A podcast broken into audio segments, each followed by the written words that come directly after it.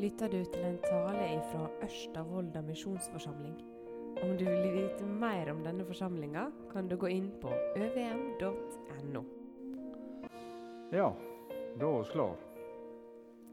Og Da skal uh, oss ha noen samlinger om uh, truvekjenninga. Og jeg stilte spørsmålet hva tror jeg egentlig på, som ei overskrift over uh, disse tre samlingene som jeg skal ha her med dere i høst. Og uh, Truvekjenninga uh, kan oss nå kanskje uten at de fleste av oss. Ofte så bruker vi uttrykk som uh, 'jeg tror på Gud' eller 'jeg tror på Jesus'. Og Hvis vi får et spørsmål om du er kristen eller tror du på Gud, så svarer vi kanskje umiddelbart 'ja, selvfølgelig tror jeg på Gud'. Men hvis du da får et motspørsmål, ja, hva mener du med det da? Hva vil det si å tro på Gud? Eh, da kan det hende at eh, mange av oss, og meg sjøl inkludert, kan bli litt stotrende, og ordene kan bli mange uten at en egentlig får sagt så veldig mye som er klart, tenker jeg. Og Da er truvekjenninga vår ei veldig god hjelp.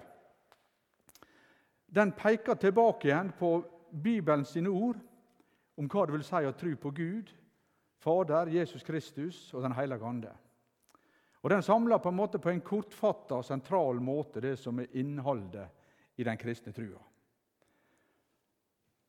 Og Trubekjenninga vår, som oss bruker mest, det er den apostoliske, apostolikum. Den første viktigste ledda der går helt tilbake igjen til ei vedkjenning som heter romanum, helt på 150-tallet.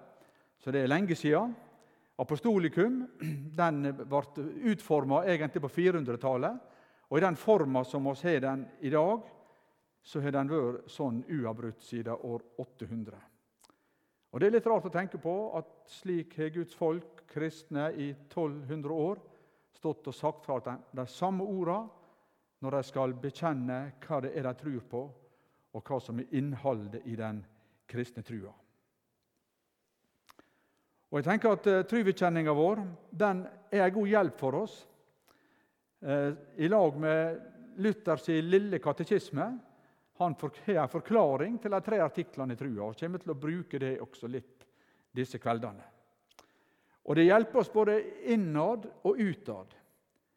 Innad på den måten at når jeg sier disse ordene i trubekjenninga, så klargjør jeg for meg sjøl ja, dette er det som er innholdet i min tru. Dette er det jeg bygger livet mitt på. Og så hjelper det oss utad. Det er hjelp til å kunne sette ord på overfor andre hva det vil si å være en kristen, hva det vil si å tro på Gud, på Jesus og Den hellige ande. I 5. Mosebok kapittel 6 og vers 4 der leser vi det som er Israels truvekjenning. Høyr Israel, Herren vår Gud, Herren er én. Sånn har Israels folk bekjent helt ifra øydemarka av på utferda fra Egypt og til i dag. Høyr, Israel, Herren for Gud, Herren er én. Det er Israels truvekjenning, men det er også vår truvekjenning, som kalles for kristne, og som lever som kristne i Norge i dag. Herren vår Gud, Herren han er én. Og så er det det første budet. ikke sant? Du skal ikke ha andre guder attåt meg.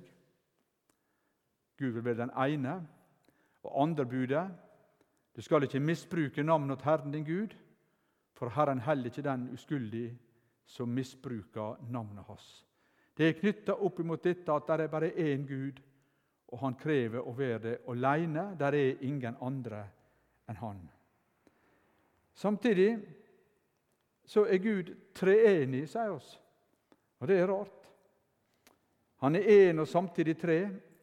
Og Det blir uttrykt slik at han er én av vesen, og samtidig så er han tre personer. Faderen, Sønnen og Den hellige ande. Det er noen avsnitt i Bibelen som det står på skjermen her nå. Dere ser en hel del avsnitt fra Bibelen jeg skal ikke lese alle de nå. Men disse her de peker på inn mot treenigheten og avslører noe av det for oss. Og kan være hjelp til å lese når han vil tenke mer på og studere mer hva det vil si at Gud er treenig. Men jeg skal lese to-tre av disse plassene nå. Og I Første Mosebok kapittel 1 der står det om skapelsen av mennesket. Og Vi leser vers 26 og vers 27. Da sa Gud, la oss gjøre mennesket i vårt bilde, i likning med oss. De skal råde over fiskene i havet, over fuglene under himmelen, over feet, over all jorda, over hvert kryp som rører seg på jorda. Og Gud skapte mennesket i sitt bilde. I Guds bilde skapte han det. Til mann og kvinne skapte han dem.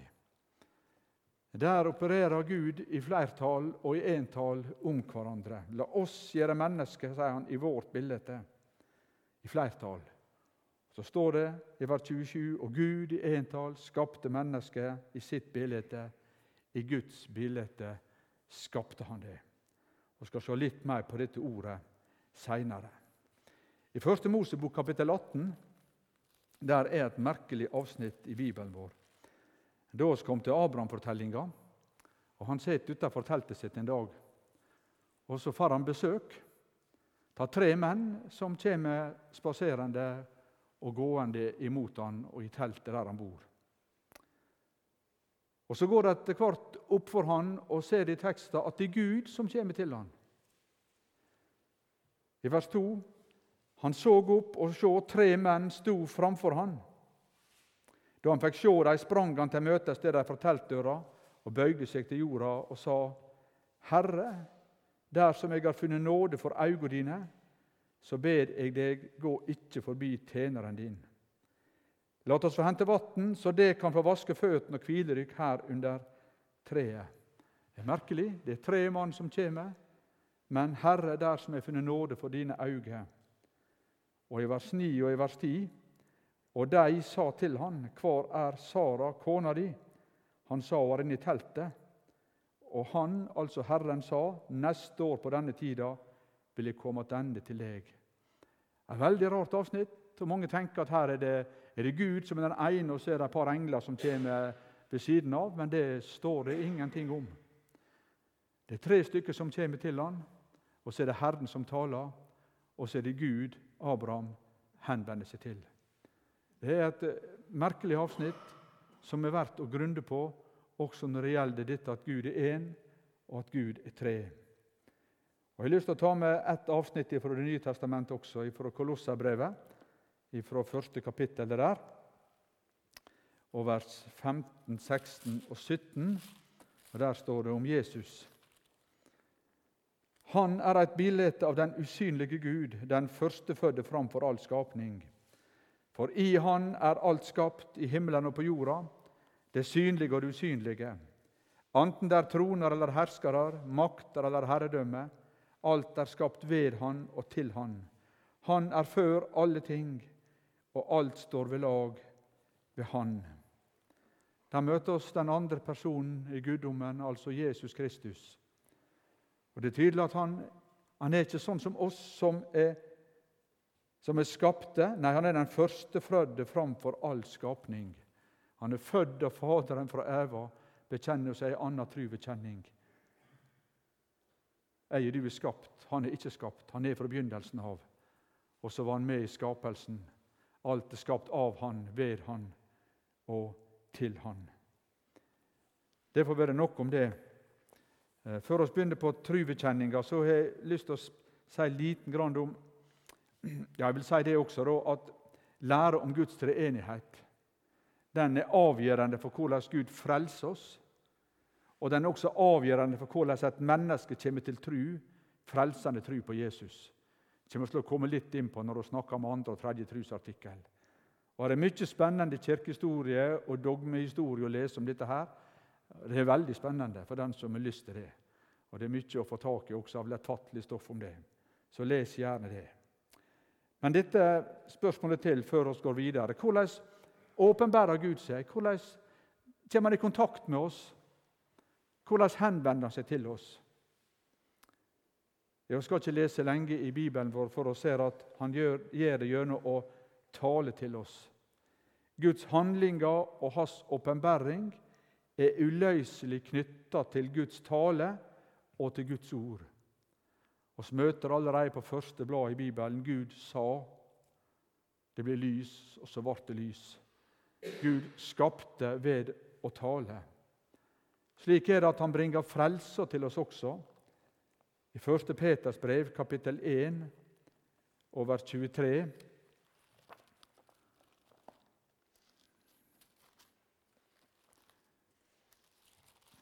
Jeg prøver å finne det fram her.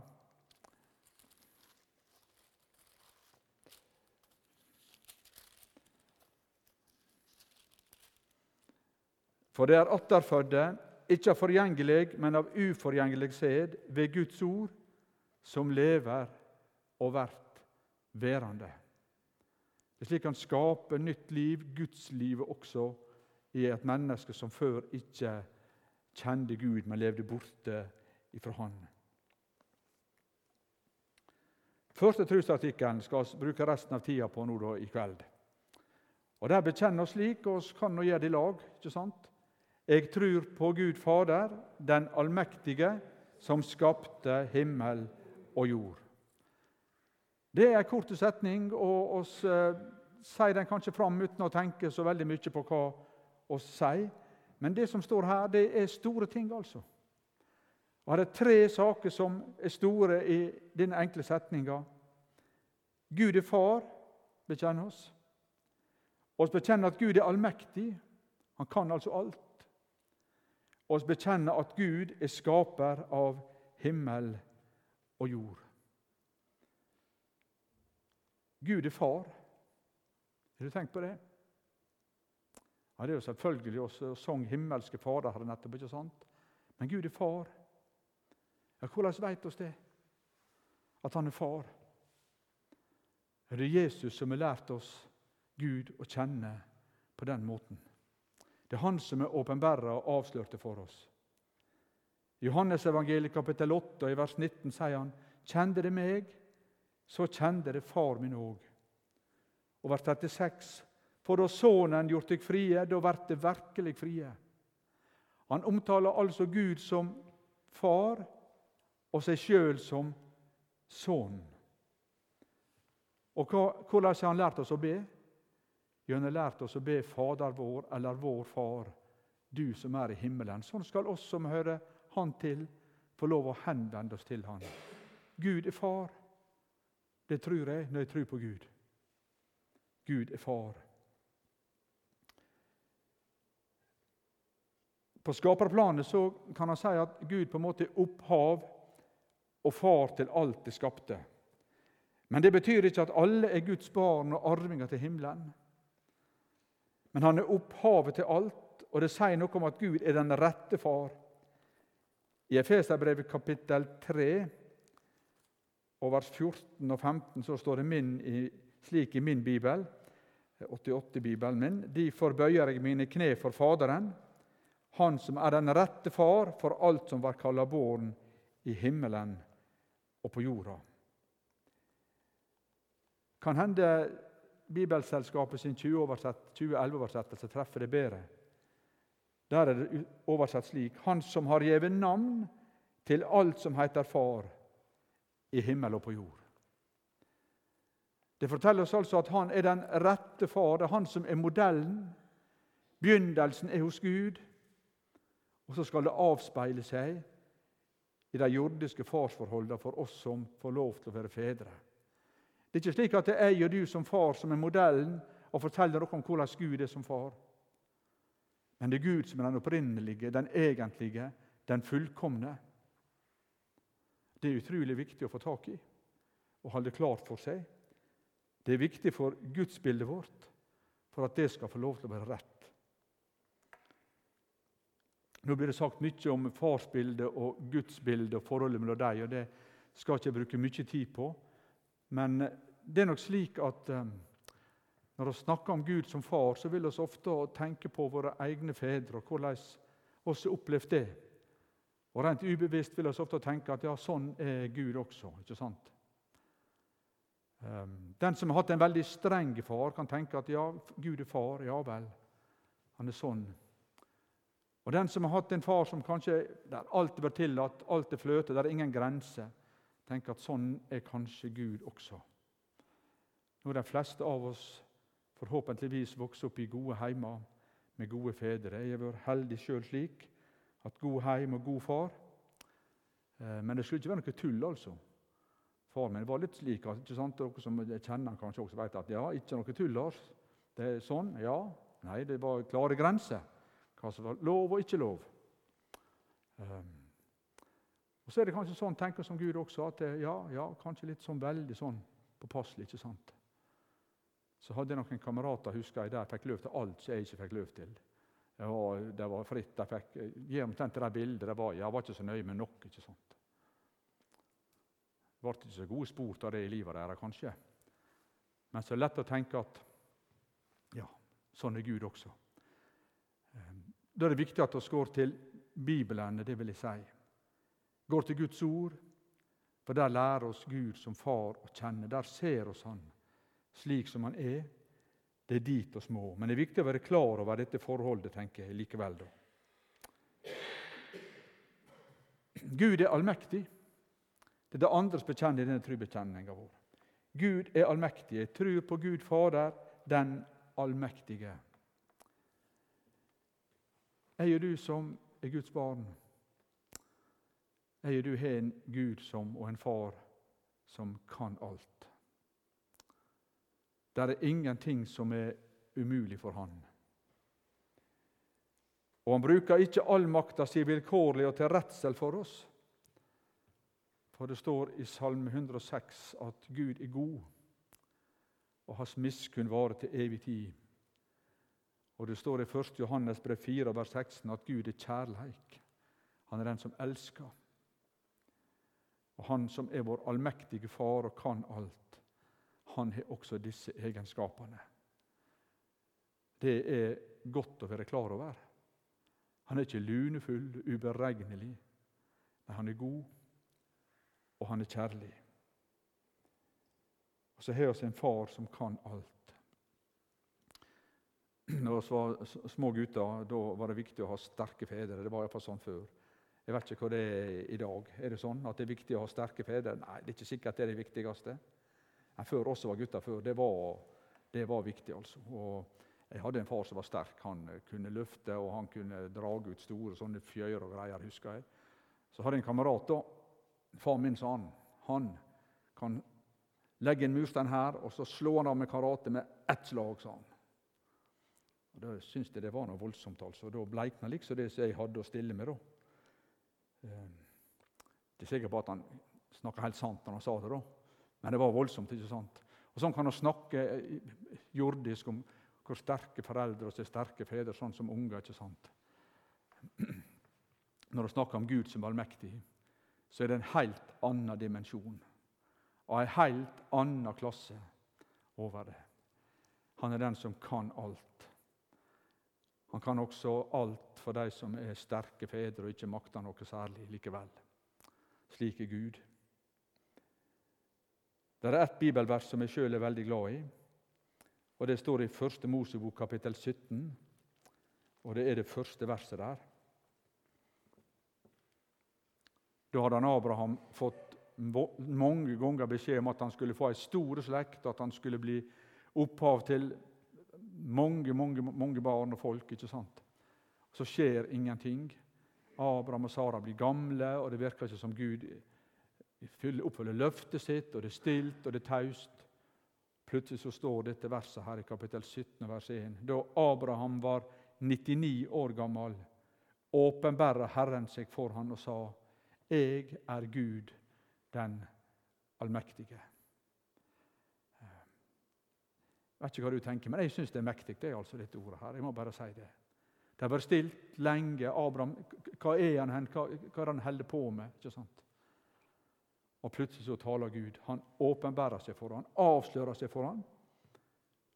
Og han gjør det på denne måten med å si disse ordene. Jeg er Gud, den allmektige. Så fikk ikke Abraham alle svarene. Han ville sikkert sett helt fram det løftet som Gud hadde gitt. Og det fikk ikke han. Men han fikk dette ordet. Jeg er Gud, den allmektige. Slik talte Gud inn i Abraham sitt liv og inn i Abraham sin situasjon. Og så tenker jeg at Guds ord er levende, og det gjelder meg når jeg leser det i dag. Jeg tar dette til meg. Sånn er Gud som min far også. Og din far. Og så taler han dette ordet ut over ditt liv. Jeg er Gud den allmektige. Taler det inn i din livssituasjon, som er forskjellig for oss alle sammen. Men han taler det inn i din livssituasjon. Jeg er Gud den allmektige. Jeg som kan alt, som ingenting er umulig for. Det gir ikke oss alle svara på vanskelige spørsmål. Men det blir et litt annet perspektiv over det når jeg vet at han er min far, og sier det til meg, at jeg er Gud den allmektige. Og Jeg har lyst til å dele det verset med dere i kveld når vi snakker om Guds allmakt. Så bekjennes for det tredje i denne første artikkelen at Gud er den som har skapt himmel og jord. Hvordan gjorde han det? Det var ikke noe fra før. Men han skapte det likevel. Han skaper av ingenting. Oss også kan skape og lage forskjellige ting, og noen er flinkere enn andre. Jeg har aldri vært noen klipper til det. Og jeg beundrer de som er flinke med hendene sine og får til både å tegne og måle og lage ting. Men de fleste alle er nødt til å ha et materiale å begynne med. ikke sant? Det må være noe. Men Gud han skaper av ingenting. Bare ved å tale, ved å si et ord. Og så står det der. Fordi han er Gud. Fordi han kan alt. Og ingenting er umulig for han. Og Så skaper Gud mennesket. Og slås det i stad, og jeg leser opp igjen, Første Mosebok kapittel 1, over 26 og 27. Da sa Gud, lat oss gjøre mennesket i vårt bilde, i likning med oss. De skal råde over fiskene i havet, over fuglene under himmelen, over feet, over all jorda, over hvert kryp som rører seg på jorda. Og Gud skapte mennesket i sitt bilde. I Guds bilde skapte han det. Til mann og kvinne skapte han deg. Og Der møter vi oss igjen. ikke sant? La oss Det var dette med, det var dette med treenighetslære og flertall i Gud og entall. ikke sant? La oss skape mennesket i vårt bilde. Og så står det Gud i entall skapte mennesket i sitt bilde. Skapte mennesket i entall, men så var de også i flertall. Til mann og kvinne skapte han dem. Og Det er viktig å få tak i her, altså. For det er en del av Guds bilde som han har lagt ned i oss. Det begynte hos Gud. Han er én og mer enn én. Så skaper han mennesket som er ett, og samtidig mer enn ett, til mann og til kvinne. Dette gir mennesket en uendelig verdi, at han har skapt oss i sitt bilde. Og Det er gjentatt flere ganger her. I likning med oss. Hvordan kan det være mulig at han ville det og gjør det? Og Da tenker jeg det så konkret at når Gud ser på deg, da dreier han kjensel på noe i seg sjøl. Det er fantastisk å tenke på. Skapte fellesskap med Gud. Adam og Eva, de første mennesker, vandra sammen med Gud i hagen som Gud planta og laga til i øst, som det står. Mennesket skapt med ansvar for det skapte, med ansvar for menneskelivet.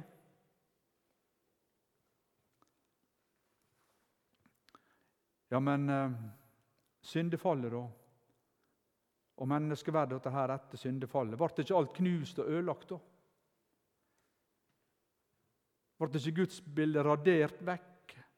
Ingenting tilbake?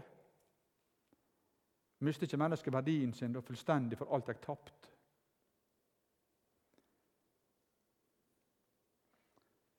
Første Mosebok, kapittel 9, over 6. Når Noah stiger ut av arka etter at han stranda på Araratfjella. Og Da taler Gud om Guds bilde etter syndefallet.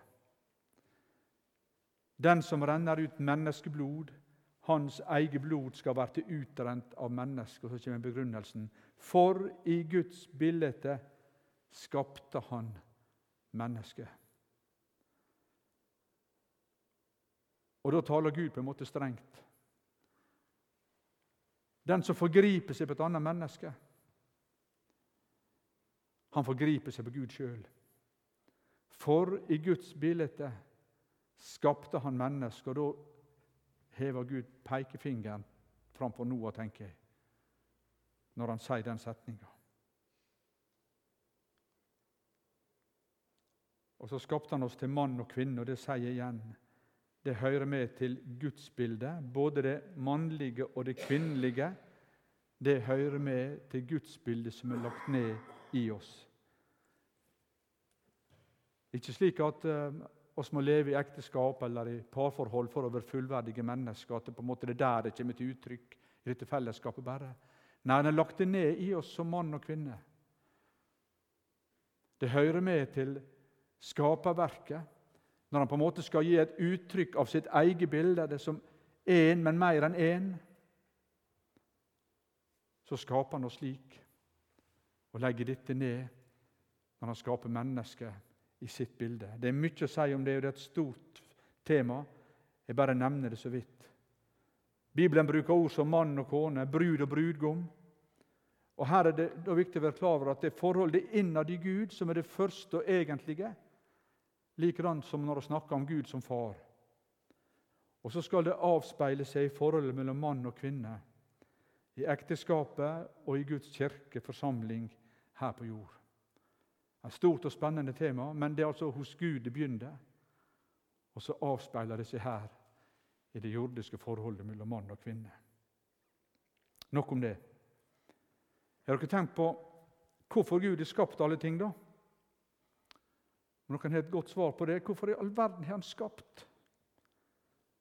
Hvorfor har Han skapt meg, og hvorfor har Han skapt deg? Er det bare på slump eller på måfå, eller hva er grunnen til det? Det kan det sikkert skrives bøker og holdes foredrag om i det vide og det breie. Men Bibelen gir et enkelt svar som jeg syns er veldig godt. Og Det står i Åpenbæringsboka, kapittel 4, vers 11.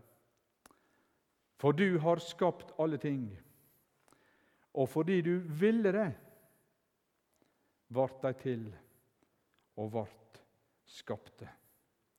Fordi du ville det. Det er grunnen. Jeg syns det er så stort og godt å lese det ordet. Jeg og du er villa av Gud. Du er det. Dette løfter mennesket opp og gir det den verdien det skal ha ut fra Guds ord. Det skal vi se mer på, men først skal vi lese Luthers forklaring til første trosartikkelen i Den lille katekisme. Og Der står det sånn Jeg tror at Gud har skapt meg og alle skapninger. Han har gitt meg lekam og sjel, vet og alle sanser. Han held alt dette ved lag og gir meg hver dag det jeg trenger for å leve. Jeg tror òg at han verner meg mot all fare og vakter meg mot alt vondt. Dette gjør han berre av nåde og faderlig godhug uten at jeg har fortjent det. For alt dette skulder jeg å takke og love Han, tjene og lyde Han. Sånn er forklaringa til første budet. Jeg syns den er mesterlig. Pedagogisk og sjelesørgerisk i møte med oss. For Tenk når han skal til å forklare dette at Gud har skapt himmel og jord. Han som har skapt universet. Alt dette her er voldsomme. Da begynner han altså slik. Jeg tror at Gud har skapt meg. Sånn begynner han. Jeg tror at Gud har skapt meg. Det kan vi godt prøve å si til oss sjøl.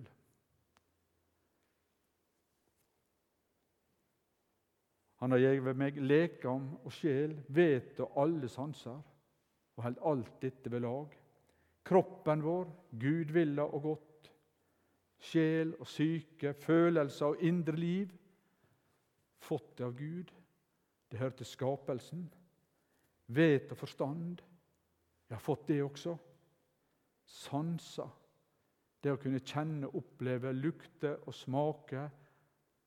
Ta på, hud stryke over hud. Selv i de mest intime situasjoner. Fått av Gud. Det hører til skaperverket. Vel lever oss under syndefallet, og det har konsekvenser også for alt dette her. Men samtidig alt dette, kropp, følelser, forstand og sanser, det er gode gaver ifra Gud. Det er du, det er deg, og du er noe stort. Du er skapt og villa av en store mesters hand. I Salme 139 og vers 13-17, der står det slik.: Du har skapt nyrene mine, du har forma meg i mors liv. Jeg priser deg fordi jeg er verka på skremmende underfull vis. Underfull av dine gjerninger, det veit mi sjel så vel. Mine bein ble ikke skjulte for deg da jeg ble laga i løgndom, da jeg ble laga med slik kunst i djup av jorda. Dine øyne så meg da jeg bare var et foster. I de bok ble dei skrevne opp, alle de dagene som ble fastsette, da ikke en av dei var kommet. Hvor dyrebare tankene dine er for meg, Gud. Hvor veldig summen av. Jeg trenger ikke å føye noe til disse mektige ordene. Men når vi leser disse ordene, og hvis du da sier at du ikke betyr noe, at du er ikke verdt noe, det er ikke noe med deg. Ja, hvis du sier det og tenker det, da synder du mot Han som har skapt deg og gitt deg livet. For her leser vi om mennesket sin verdi, hvem eier du er. Som skapt av Gud er du noe uendelig stort, som ikke kan måles med noe annet av det som vi tenker på som verdier her på jord. Og så har ikke Gud trukket seg tilbake etter skapelsen. Han er omsorg for det skapte. Han er omsorg for deg. Forklaringa som vi las i stad for katekisme, ikke sant? Han holder alt dette ved lag og gir meg hver dag det jeg trenger for å leve. Jeg tror òg at han verner meg mot alt, all fare og vakter meg mot alt vondt. Og Hvorfor gjør han det? er bare av nåde og faderlig godhug, uten at det er fortjent det. Det er Gud som handler i livet vårt. Jesaja kapittel 45 og vers 11, der står det slik i, i min bibel. Så sier Herren, Israels hellige, Han som skapte det. Spør meg om det som kjem. Lag meg syte for barna mine og for verket av hendene mine. Er ikke det godt det å kunne få lov å legge ifra seg bekymringer og uro og på en måte sitt eget liv? Spør meg og det som kommer, sier han. Det er egentlig bare han som veit det. Ik ikke styr og hold på, sier han. La jeg få lov til å ta ansvar for det. La jeg få syte for barna mine og for verk av hendene mine som jeg har skapt, sier han. For meg er det godt å lese det ordet. og jeg er slik sammenskrudd som menneske og følelsesmessig at jeg trenger å høre ofte, gang etter gang, for å finne hvile og feste hos Han som har skapt meg, laga meg og gitt meg livet, som kjenner framtida. Han som har gitt deg livet, han er også den som rår over liv og død. Han har livspusten vår i si hand. Og Det høres veldig sårbart ut for oss. ikke sant? Tenk det, ja vel, han har livspusten vår i si hand. Har ikke mye kontroll oss da. Men samtidig er det utrolig godt at det er sånn, altså.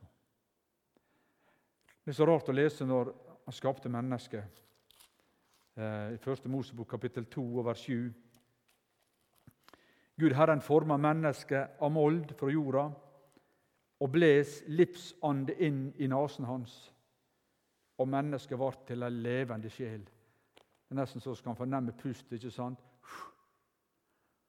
Puste han inn i nesen til det første mennesket, og der var det liv i kroppen som han hadde skapt og laga. Så begynte det. Og Så står det et vers i Daniels bok, i kapittel 5, vers 23. og Det er det som Daniel sier til den ugudelige kong Belsasar, han som fikk skrifta på veggen. ikke sant? Dere husker det. Um, og Så kommer Daniel inn og skal tyde denne teksten. Og Da sier han først noen alvorlige ord til kongen om alt han har gjort. Han er forakta og håna og spotta Gud. Og så sier han, men den Gud som har livsånda di i si hand, og som råder over alle dine veger, han har du ikke æra. Og Det er bare dette uttrykket jeg vil ha tak i. Den Gud som har livsånda di, livspusten din, i si hand. Ja, det har han. Og når alt kommer til alt, så er det det beste at det er slik. Så lenge Han holder den oppe, så får oss leve. Og den dagen Han trekker den tilbake, så er livet slutt her på jord. Han som puster den inn i oss, han tar den også tilbake. Eh, det er trygt at det er sånn for oss å få lov å kalle Gud for far og skaper. Og så har han omsorg for sine, også når det gjelder vårt jordiske liv, med alle bekymringene.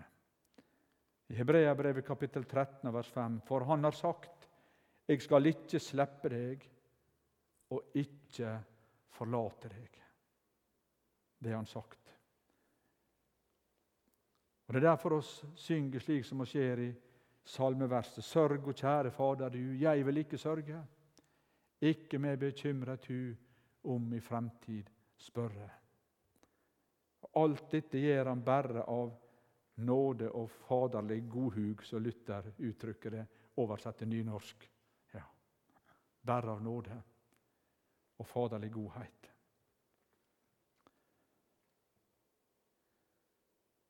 Og han ser slik han lengter etter samfunn og fellesskap med oss. Han vil ha gjensvaret vårt. Han lengter etter det. Hvorfor gjør han det? Ja, fordi han har skapt deg i sitt bilde. For han har lagt ned noe av seg sjøl i deg som han ikke klarer seg uten. Og Det står et sterkt vers i Jakobs brev, kapittel 4 og vers 5. Med brennhug trår han etter den ånd han let bu i oss. Og der står ånd, Det er ånd med liten å, altså. Det er ikke Den hellige ånd. Men det er den ånd og den livspust som han puster inn i oss, som er av oss sjøl, da han la bildet sitt ned i oss. Med brennende iver, med brennhug, trår han etter den ånd han let bo i oss. Og så ligger det noe av lidenskap, sjalusi, i dette her, når mennesket går bort ifra Gud, fjerner seg fra Han. Det takler han bare ikke, altså. Han orker ikke å miste oss. Og så bruker han hardhanda hvis det mennesket ikke vil tilbake. Det ligger noe av det også i dette. Men han vil ha samfunn og fellesskap med oss. Mange kritiserer nynorsk. vet du, Brennhug det er jo et forferdelig ord, sier de. Nei, det er et fantastisk ord. Da er det full fyr i Guds hjerte, tenker jeg. Ja. Full fyr i oss indre. For han lengter etter oss. Han vil ha fellesskap med oss, han vil ha gjensvaret vårt. For meg er dette et av de sterkeste versene i Bibelen som taler om Guds bilde i meg. At de er skapt i hans bilde til fellesskap med Han. Han trår etter den ånd, han vil ha tak i den, han vil ha fellesskap med den, som han la ned i livet, livet vårt. Syndefallet sin kveld, da Adam og Eva tok av frukta de ikke skulle ta av. Hva skjedde da? Ja, Da kommer Gud i hagen. Og så roper han, 'Adam, hvor er du?' Adam, hvor er du? Det har ikke han behøvd gjort. Det kunne vært stilt for all ettertid. Aldri mer noen som hører Guds stemme, overlatt til seg sjøl. Og det var ikke mennesker som søkte Gud og prøvde å få tak i Han igjen. De sprang og gjemte seg.